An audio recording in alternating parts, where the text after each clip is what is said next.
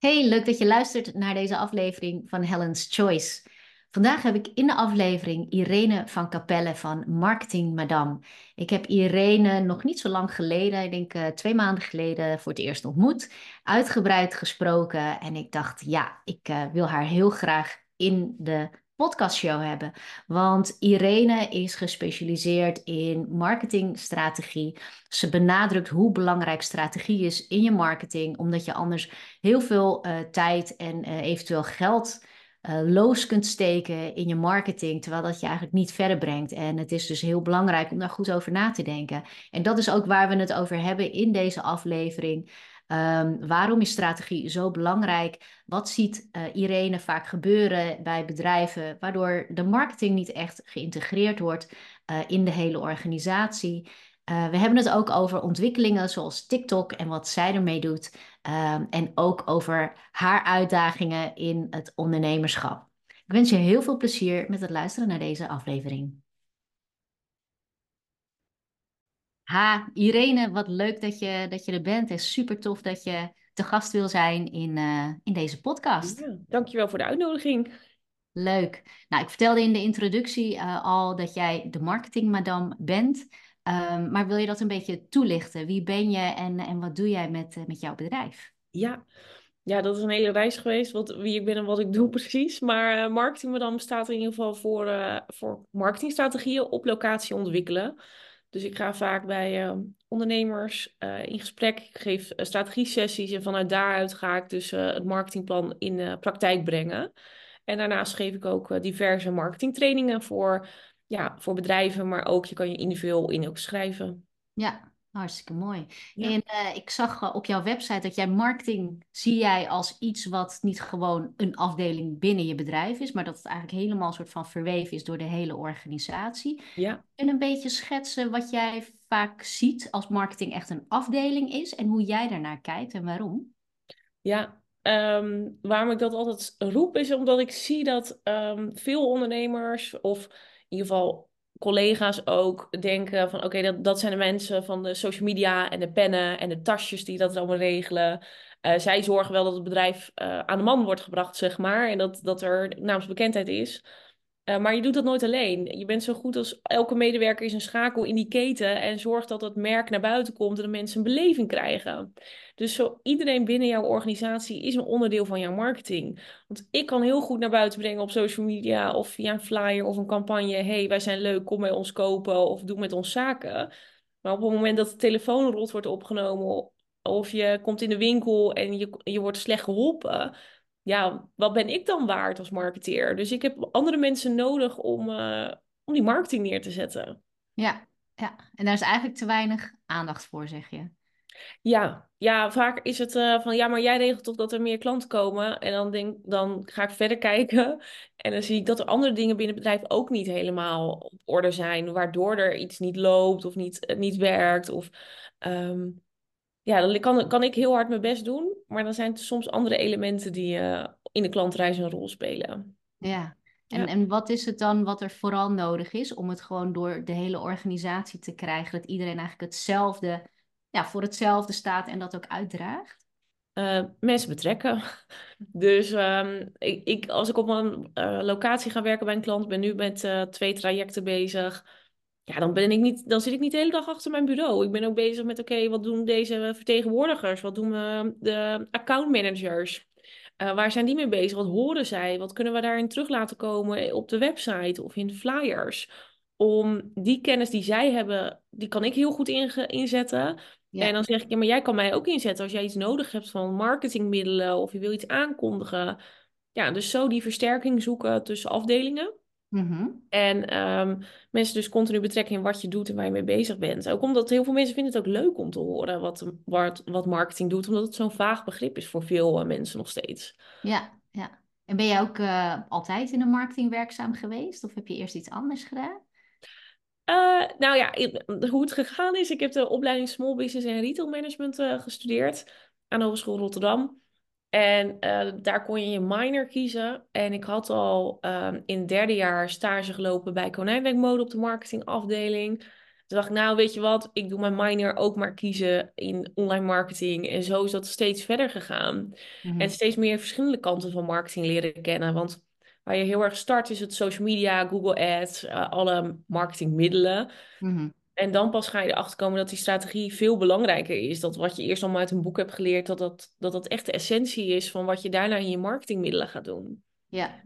Um, dus ja, er steeds meer en steeds meer uh, trekt het vak mij ook. Want je ziet dat je niet alleen maar bezig bent met trends, maar je bent ook heel erg bezig met wat gaat er in mensen om.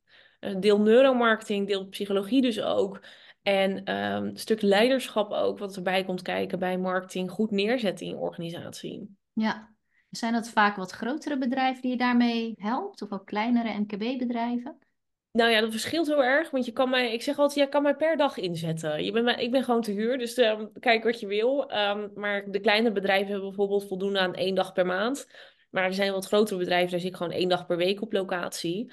En ja. er zijn ook bedrijven die zeggen, nou, ik wil alleen een training en kan je mijn personeel trainen, zodat zij het kunnen doen. Nou, dat is ook goed. Weet je, dan rol ik de strategie uit en dan help ik de organisatie het zelf verder uit te rollen. Ja. ja. Ja, en nou noemde je ook heel snel dat je natuurlijk ook wel met de trends bezig bent in marketing. Met, met welke trends ben je nu vooral bezig in deze periode?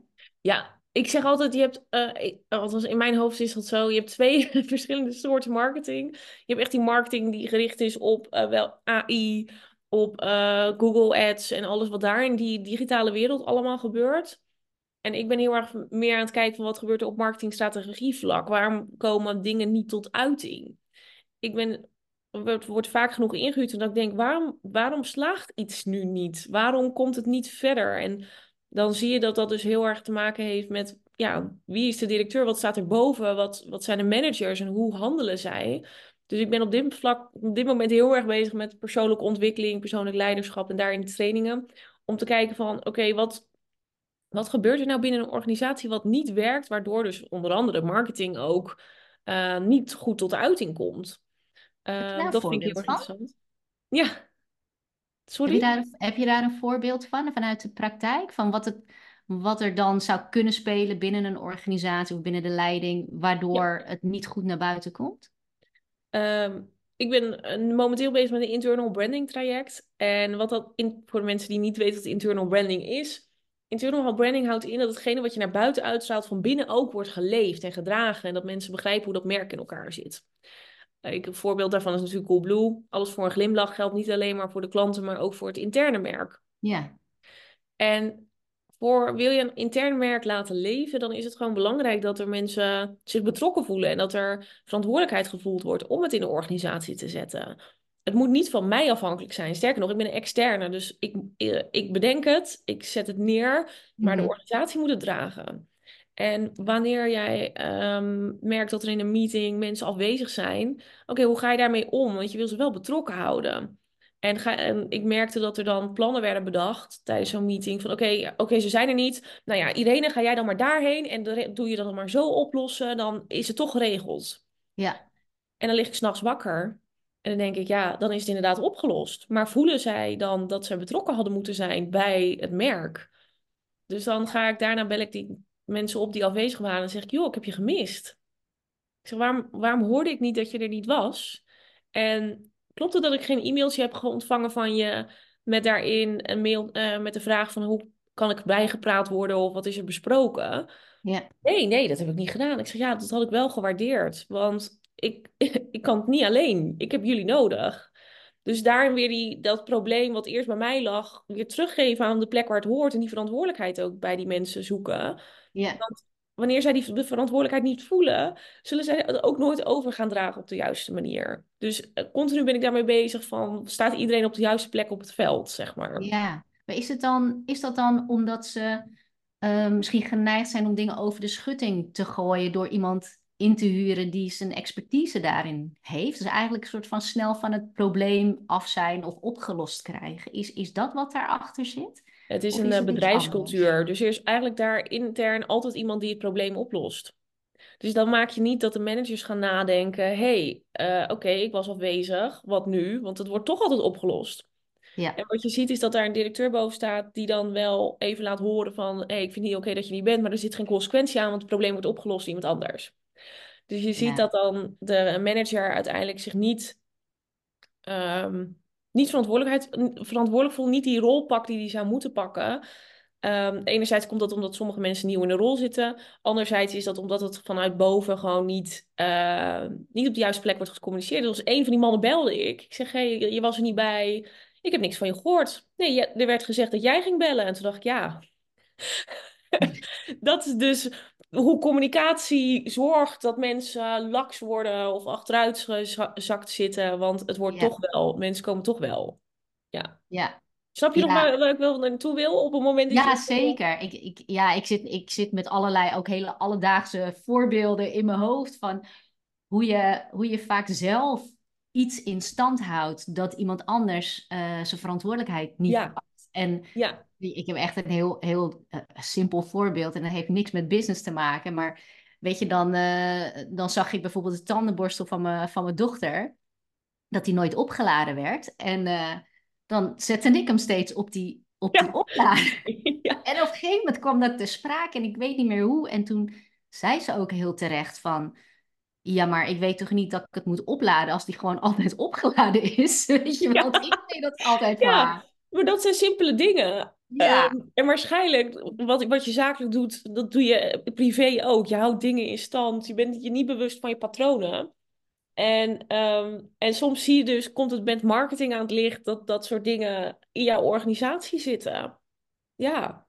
En ik vind dat, vind dat dus heel interessant. Want het, dat maakt, of dat mijn, ik krijg een opdracht, die moet wel slagen. En dus dit soort externe dingetjes, eh, dingetjes zijn best wel dingen, kunnen ervoor zorgen of mijn project slaagt of niet. Zo zie ik dat. ja, absoluut. En dan ook zeker voor de lange termijn. Ik, ik kan me voorstellen dat je prima dingen uit handen allemaal kan nemen. En op het moment dat je vertrekt, dan ligt er een plan, dan zijn dingen ingevoerd en dan werkt het. Als je dan vervolgens een jaar verder bent en het wordt niet gedragen, dan ja, dan lijkt het net alsof dat komt door wat je daar gedaan hebt. Terwijl feitelijk dat gewoon in de organisatie misschien niet, eh, niet goed klopt. geborgd kon worden.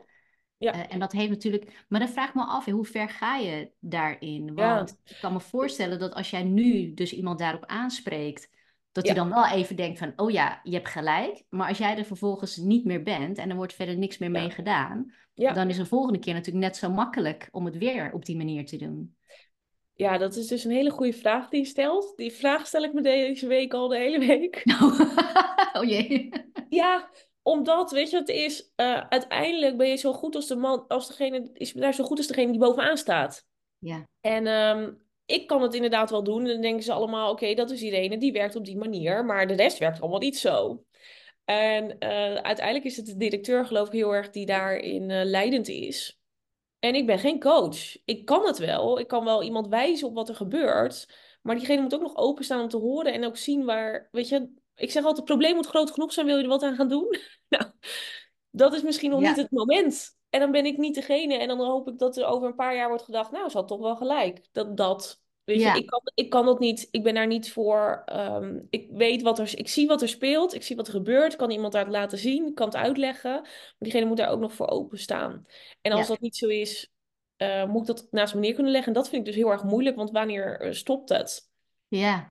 Ja, Ja, dat is het ook. En ik denk dat het belangrijkste eh, vanuit jouw rol gezien dan misschien is om het in ieder geval wel benoemd te hebben. Dat ja, dat wel essentieel is voor borging, borging van wat je daar neerzet samen. ja, ja, dat. Ja, en ik vind ook, ehm, kijk, nu is het eh, betrekking op marketing dat ik dit aanstip, maar uiteindelijk gaat dit eh, op zoveel vlakken meer effect hebben eh, wanneer je hiermee aan de slag gaat. ja, Wanneer dingen, eh, dit is een van de dingen, hè, verantwoordelijkheid terugleggen bij degene waar het hoort. Dat is ja, één van de dingen die dan speelt. Maar op het moment dat je dat niet alleen maar voor dit onderdeel aanpakt, maar voor meerdere projecten en dergelijke, zie je dat dat heel veel rust gaat geven in je organisatie. Maar er is ook iets voor zeker. nodig. En dat is Ja, vertrouwen. Ja, en het is denk ik ook, kijk, uiteindelijk ga je terug naar de essentie van, van alles binnen zo'n organisatie. En dat is altijd dat je altijd kijkt naar je eigen rol, je Ja, eigen invloed in, in de uitkomst of in het verloop van dingen. Ehm, en weet je, zoiets simpels als wat we net noemden als voorbeeld. Weet je, in, in je hoofd denk je van, ah, dat is niet belangrijk, dat doe ik wel even voor diegene. Weet je wel, dan is het zoiets kleins, is goed bedoeld, de ja, intentie is goed, weet je wel. Maar gewoon niet stilstaan bij, bij wat voor een ripple effect dat eigenlijk heeft. Ja, en als er iets fout gaat, dat je het ook niet bij jezelf zoekt, maar dat je denkt van, oh ja, maar die heeft het niet goed gedaan. Nee. dat is eigenlijk de omgekeerde wereld. Ja, en je kan jezelf afvragen, hoe komt het dat deze persoon altijd in, in de oplossing al bedacht heeft voordat de ander de kans gekregen heeft? Is dat, is dat controle? Is dat gewoon snelheid? Is dat, wat zit daarachter? En hoe komt het dat het zo moeilijk is om dat te doorbreken? Ik vind dat heel interessant. Ja, Zeker. en, maar En dat wat, is helemaal niet mijn vak, maar ik vind het wel heel interessant hoe dat, eh, maar, hoe maar dat wat zie jij in de praktijk? Wat zit daar vaak achter? Ja, kijk, we zijn niet voor niks. eh, ik ben zelf ook ondernemer, jij ook. Je vindt het heerlijk om de touwtjes in handen te hebben, denk ik, toch? Ja, Om controle te hebben. En op het moment dat je bedrijf groeit, ja, gaat die eigenschap niet van jou weg. Dat gaat, dat blijft gewoon doorgaan. Alleen zijn het nu niet twee mensen waar je over denkt, maar zijn het er tachtig waar je steeds voor denkt. Dodelijk vermoeiend. Ja, En eh, dat stukje controle dus, dat zal daar vast mee te maken hebben. Ik denk dat actie daar ook mee te maken heeft, want je wilt doorgaan en niet van afhankelijk zijn van anderen, want je legt het ook weer ergens iemand neer. Dus dat geeft risico. Ehm het is, heeft vaak met vertrouwen te maken in de ander dat hij een goed idee heeft, of dat hij, ehm, dat, hij dat ook echt serieus neemt. Ehm, dat denk ik allemaal wel wat erachter ja, zit. Ja. En dan kan je kan nog dieper graven, maar voor nu is dat denk ik ja. goed. Ja, ik denk soms ook gewoon, eh, soms misschien ook wel accepteren dat, dat sommige mensen dingen misschien zelfs beter nog kunnen dan, dan jij zelf, hè, als je het overlaat aan een ander.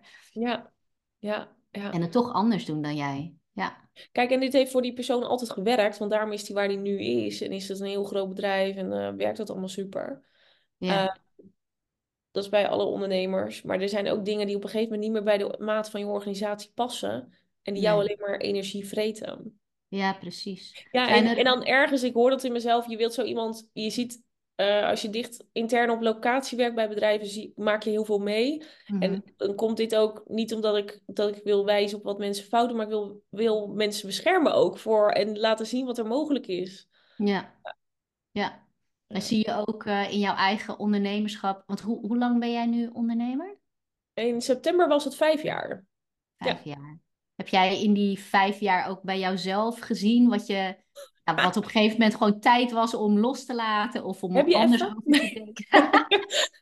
We hebben het allemaal, hè? Dus Ja, kijk, bij mij was het vrij zichtbaar. Je hebt ondernemers die merken daar niet zoveel van, maar eh, mijn emoties gingen, dan noem ik het emoties, maar het was meer drama, want het, er was geen echte emotie, het was puur angst of, weet je, dan kreeg ik een e-mailtje en dan las ik alleen maar in mijn hoofd, zeg maar, zat er iemand, oh, je doet het niet goed, oh, je faalt, weet je wel. Ja, Waardoor als ik een e-mail las die pittig was, dat ik gelijk zat te janken. Dat ik dacht, oh, weet je wel, die klant gaat weg en nu doemscenario's. ja, Ehm, ik zat met directeur aan tafel en dan durfde ik dus niet te zeggen wat ik ervan vond.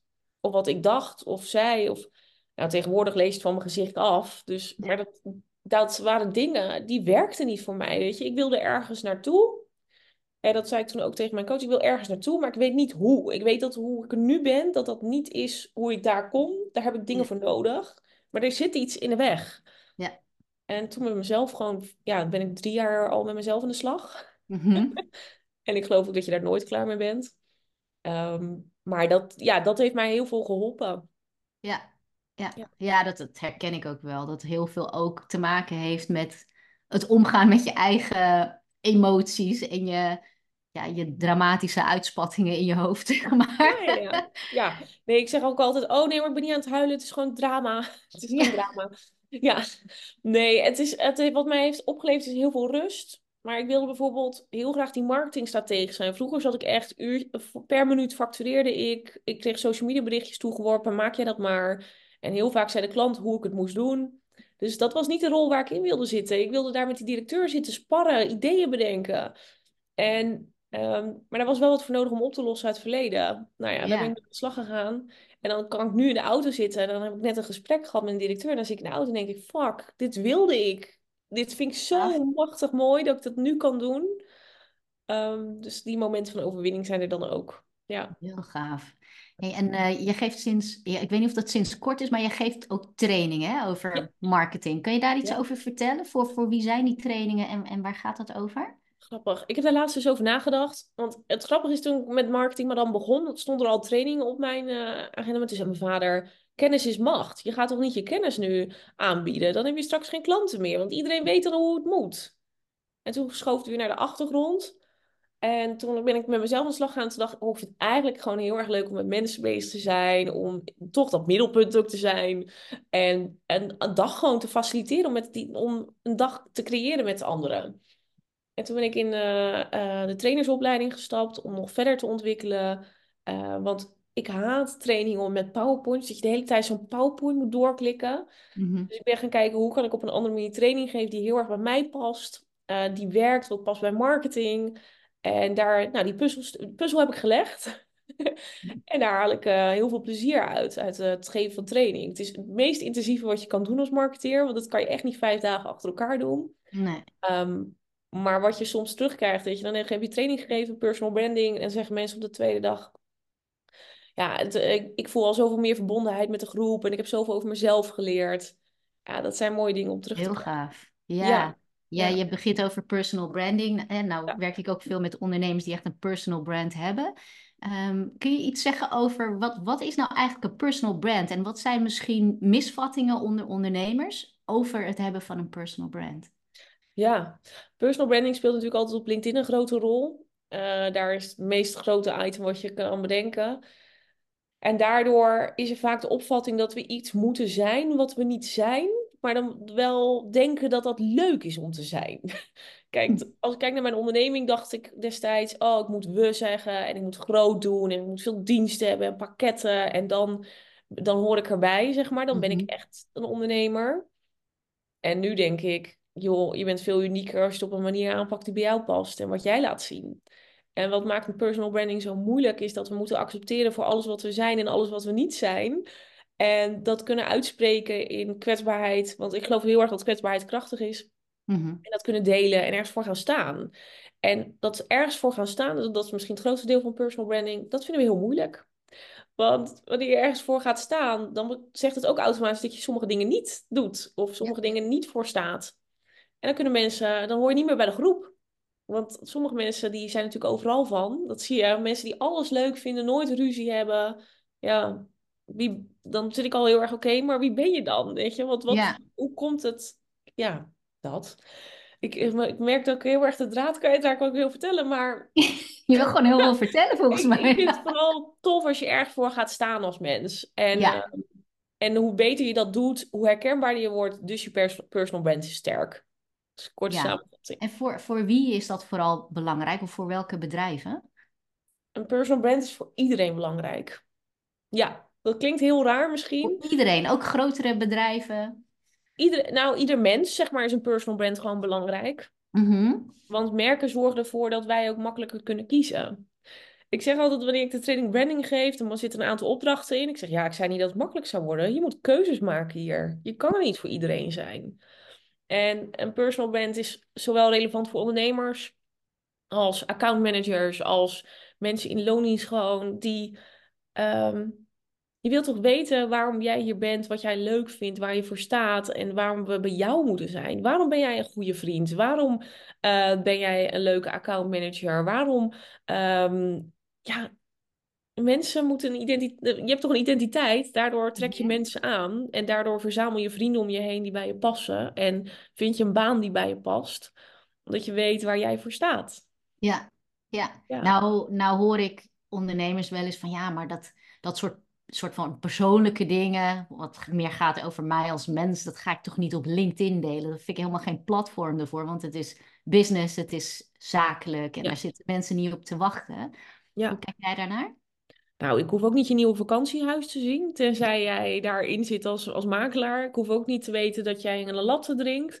Maar ehm, wel, je kan het zo mooi koppelen aan waar jij op dat moment voor staat. Dus stel, die latte, die komt te laat en die ober, die, eh, die zegt niet eens sorry of eh, je had de aanbieding niet goed gezien, weet ik het. Dan kan ik dat altijd wel weer koppelen aan marketing en dergelijke. En is dat ook dat zijn momentjes die je eruit kan pakken. Dus je kan terugkoppelen aan, je, aan je werk. Mhm. En ik vind het juist mooi als je kan laten zien wat er in jouw leven afspeelt. En wat dat, daarmee kan je eens mensen inspireren. Dus je ziet ook steeds meer uh, mensen op LinkedIn uh, kwetsbaar zijn of uh, persoonlijke verhalen delen, waar mensen op aangetrokken worden, waar verbinding ontstaat, omdat we dingen herkennen. Maar Mhm. vaak denken we dat kwetsbaarheid een zwakte is. Um, maar juist door soms te laten zien wat er echt speelt, zien mensen de, de verbinding, zeg maar, en komen er gewoon hele mooie gesprekken op gang. En daarmee bouw je denk ik een veel sterker netwerk op dan continu alleen maar zakelijke content delen um, met allemaal tips. Ja. Ja. ja. En is er een manier, of is het eigenlijk wel nodig, om zeg maar te bepalen wat voor soort onderwerpen, wat dan meer persoonlijk is, welke Ja. onderwerpen zou je dan wat meer naar buiten kunnen brengen op social media bijvoorbeeld? Ja, nou dan vind ik het fijnst om op mijzelf te betrekken, denk ik. Mhm. Ehm, als ik kijk naar mijn merk, dan draait een deel om mijn reis als trainer. Dus daar plaats ik content over. Uh, maar ook mijn eigen zwaktes als ondernemer deel ik vaak. Of dingen waar ik tegenaan loop of waar ik moeite heb. Dus Mhm. laatst had ik een sprekersklus op de Hogeschool Rotterdam. En daar heb ik echt heel veel moeite mee gehad in de aanloop er naartoe en ook achteraf. Omdat ik het anders deed dan de rest. Mhm. En dat prikkelde natuurlijk heel veel. Deed heel veel met mij als um, persoon. En door dat te delen kreeg ik ook weer interactie online, wat heel fijn was. Ja, En een ander deel is gewoon marketing dingen delen. Dus het er is een mix van die drie. ja, En dat maakt dat ik ook een gevarieerd aantal, eh, va- gevarieerde groep mensen heb die mij volgen. Mhm. Uh, maar dat er ook wel vaak reacties komen. Of dat je ja, toch me- echt wel connectie hebt online. ja, ja. Hey, en als we het hebben over trends, hè, want dat noemde ik net eventjes, ben je dan ook bijvoorbeeld bezig met een platform als TikTok? Ja, mijn eerste is online. Ja, Um, maar ik, je moet van jezelf weten wat je wel en niet kan. Oh, ik wilde hem openen, maar ging gelijk af.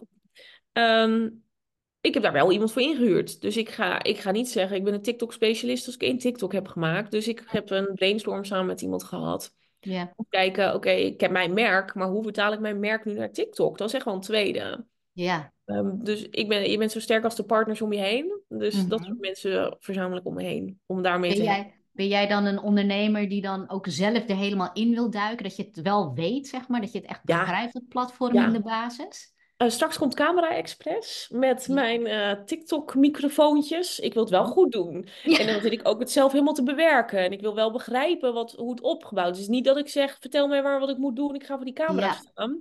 Ik wil begrijpen hoe het is opgebouwd en waar, want dan kan je ook bijsturen.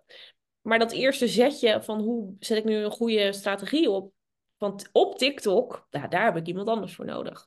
Ja. Maar dat het onderdeel is van mijn marketingstrategie, dat heb ik natuurlijk zelf uh, bedacht. Ja. Ja, ja, ja. Ja, ik ben ook aan het experimenteren sinds een paar, paar weken. Eigenlijk Ja. soort van geïnspireerd door mijn 13-jarige dochter, Ja. die uh, al Leuk. 4000 volgers heeft op TikTok. En ik dacht van, nou, weet je, ik ga dat gewoon aangrijpen om en te experimenteren. eh, gewoon om te kijken van, wat is het eigenlijk voor platform? Hoe werkt het? Is dat Ja. iets waar ik in de toekomst nou gewoon iets mee wil voor mijn bedrijf? Uh, en ik zag het ook als een uitgelezen kans om weer wat vaker op video te zijn. Ik heb niet zo heel veel video's uh, gedaan het afgelopen jaar, denk ik. En daarvoor wel meer.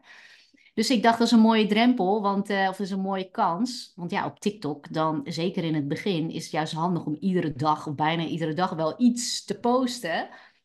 En ik moet zeggen, ja, en ik ben ook gewoon begonnen met het consumeren van TikTok. En ik merk, Ja, het is een heel ander soort platform. Ja. En uh, ik, ik heb me eigenlijk ook laten, uh, hoe zeg je dat, informeren vanuit uh, Amerika. Ik heb ook gewoon een training gevolgd en weet je wel, gezien wat het daar doet en hoe het gebruikt wordt. En zo wordt het in Nederland eigenlijk helemaal nog niet gebruikt, dacht ik. Dacht ik. alleen, uh, ik kom er nu achter dat ook in Nederland TikTok wat meer wordt gebruikt, ook als een soort zoekmachine. Dus weet je, in plaats van op Ja. Google gaan zoeken naar een goede coworking space, dat je dat ook op TikTok kunt opzoeken. Dus een, een van mijn klanten die zei ook van ja, ik, ik doe dat zo. Ik zoek het daarop. En toen zei ik, ja, maar waarom gebruik je niet gewoon Google? Want ik ben dan nog van de Google. En toen zei ze van nou, want op Google kom je heel gauw bij het bedrijf zelf terecht. En met de reviews daarbij, ja, die zijn natuurlijk allemaal tip-top. Maar als je op TikTok gaat kijken, dan heb je gewoon mensen die daar geweest zijn. Zie je het van binnenuit en ze geven gewoon hun eerlijke mening. Ik dacht, oh ja, dat is een Ja. goeie. En in Amerika wordt het volop op die manier gebruikt. Dus ik, ik denk dat dat ook veel meer hier naartoe uh, komt en, en, en al bezig is ook. Maar uh, ja, op die manier uh, probeer ik het gewoon uit en kijk ik gewoon wat er van komt. Ik had wel, ik zat het na te bewerken. Daar was ik al een tijdje mee bezig. Toen kreeg ik daar nog feedback op. Toen was ik nog mee bezig. Dus mijn zus zei: Ik snap wel dat er geld wordt verdiend met content creators. Want het is echt. Er zit nog wel, er zit, het is wel een investering, zeg maar, om met TikTok goed bezig te zijn, vind ik. Ja. Um, maar het is ook wel heel erg leuk hoor. Je bent toch bezig met hoeveel views en wat doet het. En nou ja, uh, we gaan het zien hoe lang ik het volhoud. Ik heb nu al heel erg de druk van ik moet een tweede maken. Dus nou ja. Oh. Ja, het begint nu al. Ik heb dan een beetje de, de aanpak. Dat heb ik met mijn podcast trouwens ook zo gedaan. Dan bedenk ik van tevoren van nou, ik wil dan uh, een podcast. En ik weet dat het gemiddelde is zeven afleveringen. En dan stoppen de meeste makers ermee, weet je wel. Ik dacht, nou, dat, gaat me, dat gaat me niet gebeuren. Want het was al een keer, een paar jaar geleden gebeurd dat ik er maar één had gemaakt. Echt uit spontaniteit. En daarna kwam er niks meer. En uh, dus nu is, is ook mijn, um, mijn idee erachter van...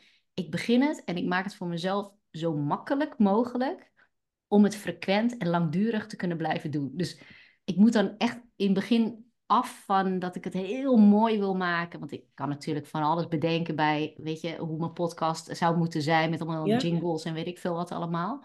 En zo heb ik dat dan ook voor TikTok gedaan. Dat ik denk van nou, ik ga nog maar niet te veel editen. Dat komt later wel. Dus nu uh, gooi ik het gewoon op en dan, en dan zien we het wel ik moet zeggen, het helpt gewoon een beetje tegen de perfectionistische neigingen af en toe. En, uh, en dat is wel een goeie, want dan kan ik nadenken. Want we staan al heel lang, ik durf bijna niet te zeggen hoe lang die podcast uh, in, mijn, uh, in mijn mapje staan. Ze zijn ook bewerkt door de utjes zijn eruit. Er moet alleen nog een voorstukje in. Ja, en dat ligt op mij te wachten. Oh, ja. Terwijl ik denk, ja, volgens mij kan ik dat ook eenvoudiger doen. En die mensen zelf voorstellen, bijvoorbeeld bij wijze van. Dan heb ik dat gedoe niet meer. Want het zijn wel hele leuke podcasts. Ik vind het ook leuk om te podcasten. Maar op dat punt blijft het dus altijd liggen, het nabewerken. Oh ja. Maar het wel een hele mooie tip, uh, Helen. Die ga ik meenemen. Ja, want mijn podcast bewerk ik dus nooit. nee? Oh, ik haal alle ik heb ook wel eens dat ik tegen mensen zeg: Oh ja, ja nou ja, je mag best, uh, als je niet meer weet, dan zet hem stop. Of uh, dan, dan doe ik wat anders. Of ik loop zelf wel eens vast. Oh, ja. Of je hebt die mensen die heel de hele tijd. Uh, en als ik dat na ga bewerken, dan let je erop. Dan denk ik: Oh, dit is echt niet normaal. dat. Ik zeg altijd van tevoren, oh, dat heb ik tegen jou niet gezegd, maar ik zeg eigenlijk normaal gesproken tegen mijn gasten van tevoren: Ik knip niks. het is één take en die komt erop. Tenzij je echt iets hebt gezegd dat je denkt, oh, dat had ik echt nooit mogen zeggen. Dan, dan wil ik het er wel uitknippen, maar, maar voor de rest wordt er niks geknipt. Oh, nou, dat is geen probleem. Ik heb geen gekke dingen volgens mij. Nee, gelukkig. Nee, maar dat, dat, dat is echt puur, dat is echt voor mezelf. Om, om gewoon ervoor te zorgen dat ik het kan blijven doen. En dat is ook de reden waarom ik het gewoon elke week uh, nog steeds kan uitbrengen, al anderhalf jaar lang. Ik weet niet hoe het anders was geweest, weet je wel. Als ik het voor mezelf al ingewikkeld had gemaakt of veel werk of... Nou, dan had je erbij gezeten zoals ik. ja. Met nog een enorm schuldgevoel omdat er twee podcasts op je liggen te wachten. oh ja, nou gewoon uitbrengen lijkt mij. Ja. hey, um, als je nou een, uh, een ondernemer hebt die veelal nou, bijna alles nog zelf doet. Hè, en misschien met hulp hier en daar. Maar voor zichzelf echt een verbeterslag wil maken in zijn marketing, in zijn personal branding, in zijn online ja. aanwezigheid en zichtbaarheid. Wat, wat zijn dan de belangrijkste dingen om dan mee te nemen? Ja, Ik, ik zie gelijk type ondernemers voor me, verschillende mensen, zeg maar. Mhm. Ehm, en dan haak ik gelijk aan wat je net zei. vaak beginnen we ergens heel enthousiast aan en dan doen we het allemaal. En vervolgens krijg je klanten, krijg je druk en dan vervolgens doe je niks. Ja. en waar we vaak mee starten is social media, want dat is gratis. Um, nou, daar heb je best wel wat kanalen op. We hebben een website en dan vinden we het wel mooi. Want die, die website kost al veel geld. Um, ze hebben iets moeten opzetten, dat kost geld. Dus die gratis kanalen is wel handig. Alleen, die gratis kanalen kosten wel heel veel tijd. En het is alsof je met hagel aan het schieten bent. Dus je hebt wel, je, een bericht uit, maar het gaat naar iedereen. Ja. Dus het is al best wel heavy. Want wanneer, waar zit je doelgroep? En daarom zeg ik, het, eh, als je je marketingbudget goed wil inzetten en je tijd goed wil besteden, Ga dan eens kijken, waar zit jouw doelgroep? Waar vind je die? Waar is die letterlijk? Dus kijk eens offline ook. Want we, halen, we zijn vaak heel snel geneigd. We gaan naar online, want het is voordeliger, meer inzichten, duidelijkheid. Uh, maar vaak kan je beter je doelgroep bereiken wanneer je offline begint. En dan moet, is het verhaal, oké, je boodschap moet sterk zijn en je moet weten waarvoor je staat, waarom mensen voor jou moeten kiezen. Mhm. Ehm, maar dat begint echt met waar kan ik mijn doelgroep vinden en hoe spreek ik ze aan. En dat is gewoon heel ouderwets, het is heel simpel. En dat ben ik voor mezelf gaan doen, want ik ben in de Hoekse Waard gaan wonen. En toen dacht ik, hoe kan ik hier nou mezelf vestigen? Mhm. En uh, dat is, ik heb geïnvesteerd in uh, reviews verzamelen. Dus ook daarin uh, mijn best gedaan. En um, gaan adverteren in, oké, ik zoek ondernemers uit de Hoekse Waard. Waar zijn die? En we hebben hier Hoekse Zaken, dat is een magazine. Daar kreeg ik een netwerk bij. Ik denk, mooi, doe ik ook. En mezelf laten zien. En um, campagnes draaien, maar dan lokaal, heel erg uh, lokaal gericht. Ja. Om dus daarin uh, op in te Ja. Ja, maar begrijp ik toch, zeg je daarmee dat, ehm, dat je tijd misschien veel beter besteed is als je ook advertenties inzet, omdat je ja, je doelgroep eigenlijk daardoor makkelijker ook vindt door het testen? Ja, ja. ehm, ik, dat is altijd moeilijk, hè? Want een, een advertentie, net zoals in Hoekse Zaken, ja, je bent zo een paar honderd euro kwijt. En dat kan voor startende ondernemers best een hoop geld zijn. Dus ik, dat moet je niet doen als je denkt, het is mijn laatste 600 euro. Dan Ja. zou ik het zeker niet doen. Eh, want dan voel je hem heel erg, want je krijgt er geen data, niks voor terug. En toch Nee. merk ik dat er klanten uitkomen en dat ik meer naamsbekendheid heb opgebouwd. Ehm, ik zou zeggen, probeer het een keer uit, maar wees zeker dat het dan het goede kanaal voor jou is. Dus daar heb je misschien af en toe iemand zoals marketingmadam voor nodig om even te sparren van, hé, hey, ik heb dit uitgezocht, zou dit een goed idee zijn? Ja, Wat denk jij dat ik moet doen? Ik heb dit is mijn budget, hoe zet ik het het beste in? Of ik wil wel social me- media doen, maar welk kanaal kan ik het beste doen? Want het allemaal bijhouden, ja, ja. dat is bijna een dagtaak. Dus, ja, Ja, want doe, doe jij ook aan online adverteren? Ja, doe ik ook. Ehm, voor mezelf ligt het nu stil, maar er liggen wel plannen, want ik wil ja, trainingen verkopen op open inschrijving. Dus dan kan eh, een individu zich inschrijven. Ja, Maar daar moet ik echt campagnes voor draaien. En eh, mijn boek, die wil ik natuurlijk ook heel graag eh, Ja. verkopen. ja. Ja. En doe je dat dan allemaal zelf voor je eigen marketing? Ja. Ja, want toen ik aan mijn marketing maar dan begon, toen, deed ik het, toen heb ik mezelf daar helemaal in verdiept. En deed ik het ook voor mezelf. Deed ik het voor klanten. Dus dat zit er nog een beetje in. Mhm. En ehm, ja, dat doe ik zelf. Ja. Ja, ja, wauw. Oké, dus het is belangrijk om goed te weten waar je doelgroep zit en om je niet blind te staren op het online stuk, maar ook Ja. offline te kijken van waar Ja. zijn ze en ja, hoe, hoe kom ik daar onder de aandacht? En de klantreis. Dan wil ik nog even Oh ja. Ja, Want wij zien dus social media prima als je het gebruikt. Alleen ga niet verkopen op social media. Mhm. Alleen in advertenties. Want we zien vaak dat social media gelijk mensen hun telefoonnummer delen, hun, hun gegevens, een linkje. Eh, maar social media draait heel erg om branding. Om te laten zien waar je voor staat. Om naamsbekendheid op te bouwen. Ehm, wanneer ze door die klantreis gaan van social media, gaan ze naar je website. Dan is het moment om te gaan verkopen. ja, Of wanneer ze de telefoon pakken, dan ga je verkopen. Maar dat, dat hoeft nog niet in die fases. Mensen kennen je niet. Dus zorg Nee. ook dat je mensen je leren kennen. Dus dat is ook een tip. ja, ja. Goeie tips. Oké. Hey, en wat, wat zie jij voor jezelf en voor marketing, madame, in de komende, nou, in de komende jaren? Wat, wat is het wat, wat Ja. jou vooral bezighoudt in, in de ontwikkeling daarvan? Ja. Ehm, nou, binnenkort heb ik weer een sessie, want ik heb ook af en toe iemand nodig om mee te brainstormen. Mhm. En ik heb dan elk jaar schrijf ik een soort plannetje met bullet points. Wat wil ik heel graag? En wat ik heel erg graag zou willen als ik een paar dagen in de week training mag geven. Dat zou ik heel erg gaaf vinden. En dat mag in company. Of dus trainingen die ik zelf organiseer. Dat hoop ik gewoon heel erg. Eh, zelf dus meer trainingen ontwikkelen. Dat vind ik heel erg leuk. Om te kijken wat voor gedrag zie ik wat niet werkt. En hoe kan ik dat aanpassen in de marketing. Mhm. En ehm, die internal branding trajecten, dus echt intern bij bedrijven op eh, locatie zitten om, ehm, om te helpen met marketing. Dat vind ik ook heel erg gaaf. Ja, dus gaaf. lekker met mensen bezig zijn en met marketing. Ja. Ja, wat tof.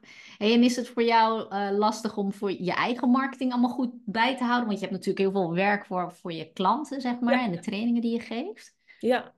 Nou, ehm, af en toe doe ik even een analyse. Hè. Ik ben eh, misschien een marketeer heel creatief, maar ik moet ook af en toe even de cijfers induiken. Mhm. En dan kijk ik, hoe kom ik aan mijn klanten? Waar zijn ze vandaan gekomen? Nou, ik netwerk ook, net als dat jij doet, Helen. Ja. En dat netwerk levert mijn klanten op. Maar steeds meer zie ik ook dat er klanten uit mijn website komen.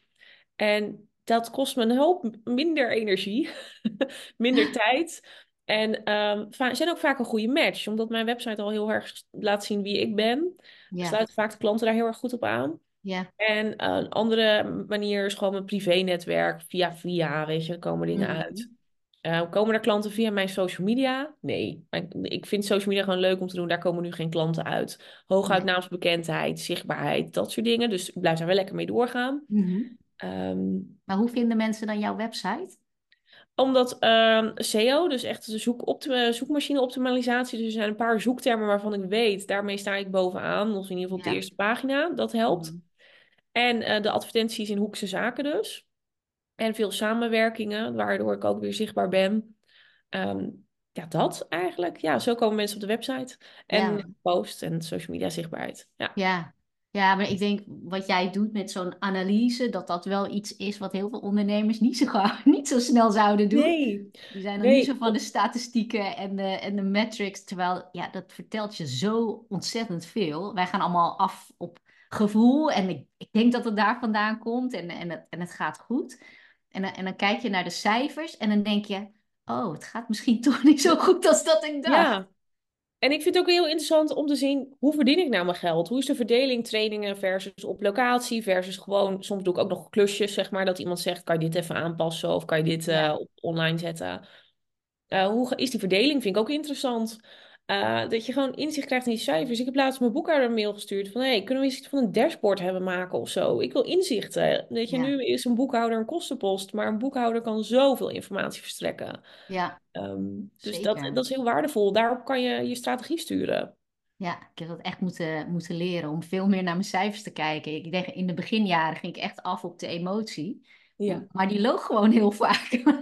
ik hield mezelf dan gewoon voor, ach, het is echt supergoed, weet je wel. En, en later zag ik pas aan die cijfers van, ik heb het gewoon niet willen zien. Weet je, soms dan wil je dingen ook gewoon het liefst niet zien. En dan, ja, door niet naar je cijfers te kijken, kan je natuurlijk gewoon afgaan op uh, hoe het allemaal voelt en hoe leuk het allemaal is. En, en dan kan je zomaar denken dat het allemaal hartstikke goed gaat, terwijl ja, de werkelijkheid misschien toch anders is. Klopt. Ja. ja. Ja. en ik merk dat nu uh, sinds mijn ondernemerschap en nu heb ik een huis gekocht, dat ik nog meer bovenop die cijfers zit. Want je wil niet op je gevoel afgaan. Je wil gewoon weten dat het allemaal klopt en dat, het, uh, je meer inzichten hebt. Ja. Nou, wat gaaf joh. Hey, en um, nee, je hebt super veel mooie tips en, en inzichten met ons gedeeld. En um, als mensen benieuwd zijn naar jou en ze willen meer over jou weten en wat je aanbiedt, uh, waar kunnen ze jou vinden? Uh, nou ja, gewoon www.marketingmadam.nl. Uh, dus gewoon mijn website. Uh, maar je mag me ook gewoon gerust volgen op LinkedIn. Irene van Kapellen. Um, ik heb Instagram, ik heb heel veel. Ik heb dus TikTok. Dus kies het kanaal wat je leuk vindt. Ik ben er. En ja. wees gerust, stuur mij gewoon een berichtje. Vind ik leuk. Ja, en, um... ga het ehm, allemaal delen. Op, ook in de show notes zet ik het er allemaal bij. En, kunnen ze zeker... Heb je een klus aan? Nee. Ja. kunnen ze allemaal TikTok gaan volgen. Hartstikke leuk. Irene, ik wil je hartelijk bedanken voor dit gesprek. Echt hartstikke tof om te horen hoe je bezig bent, wat jouw visie is op marketing en personal branding. Dus uh, dank je wel. Ja, leuk, leuk gesprek zo. Uh, dank je wel, ja, vind ik ook. en luisteraars, dank je wel voor het luisteren en tot een volgende keer.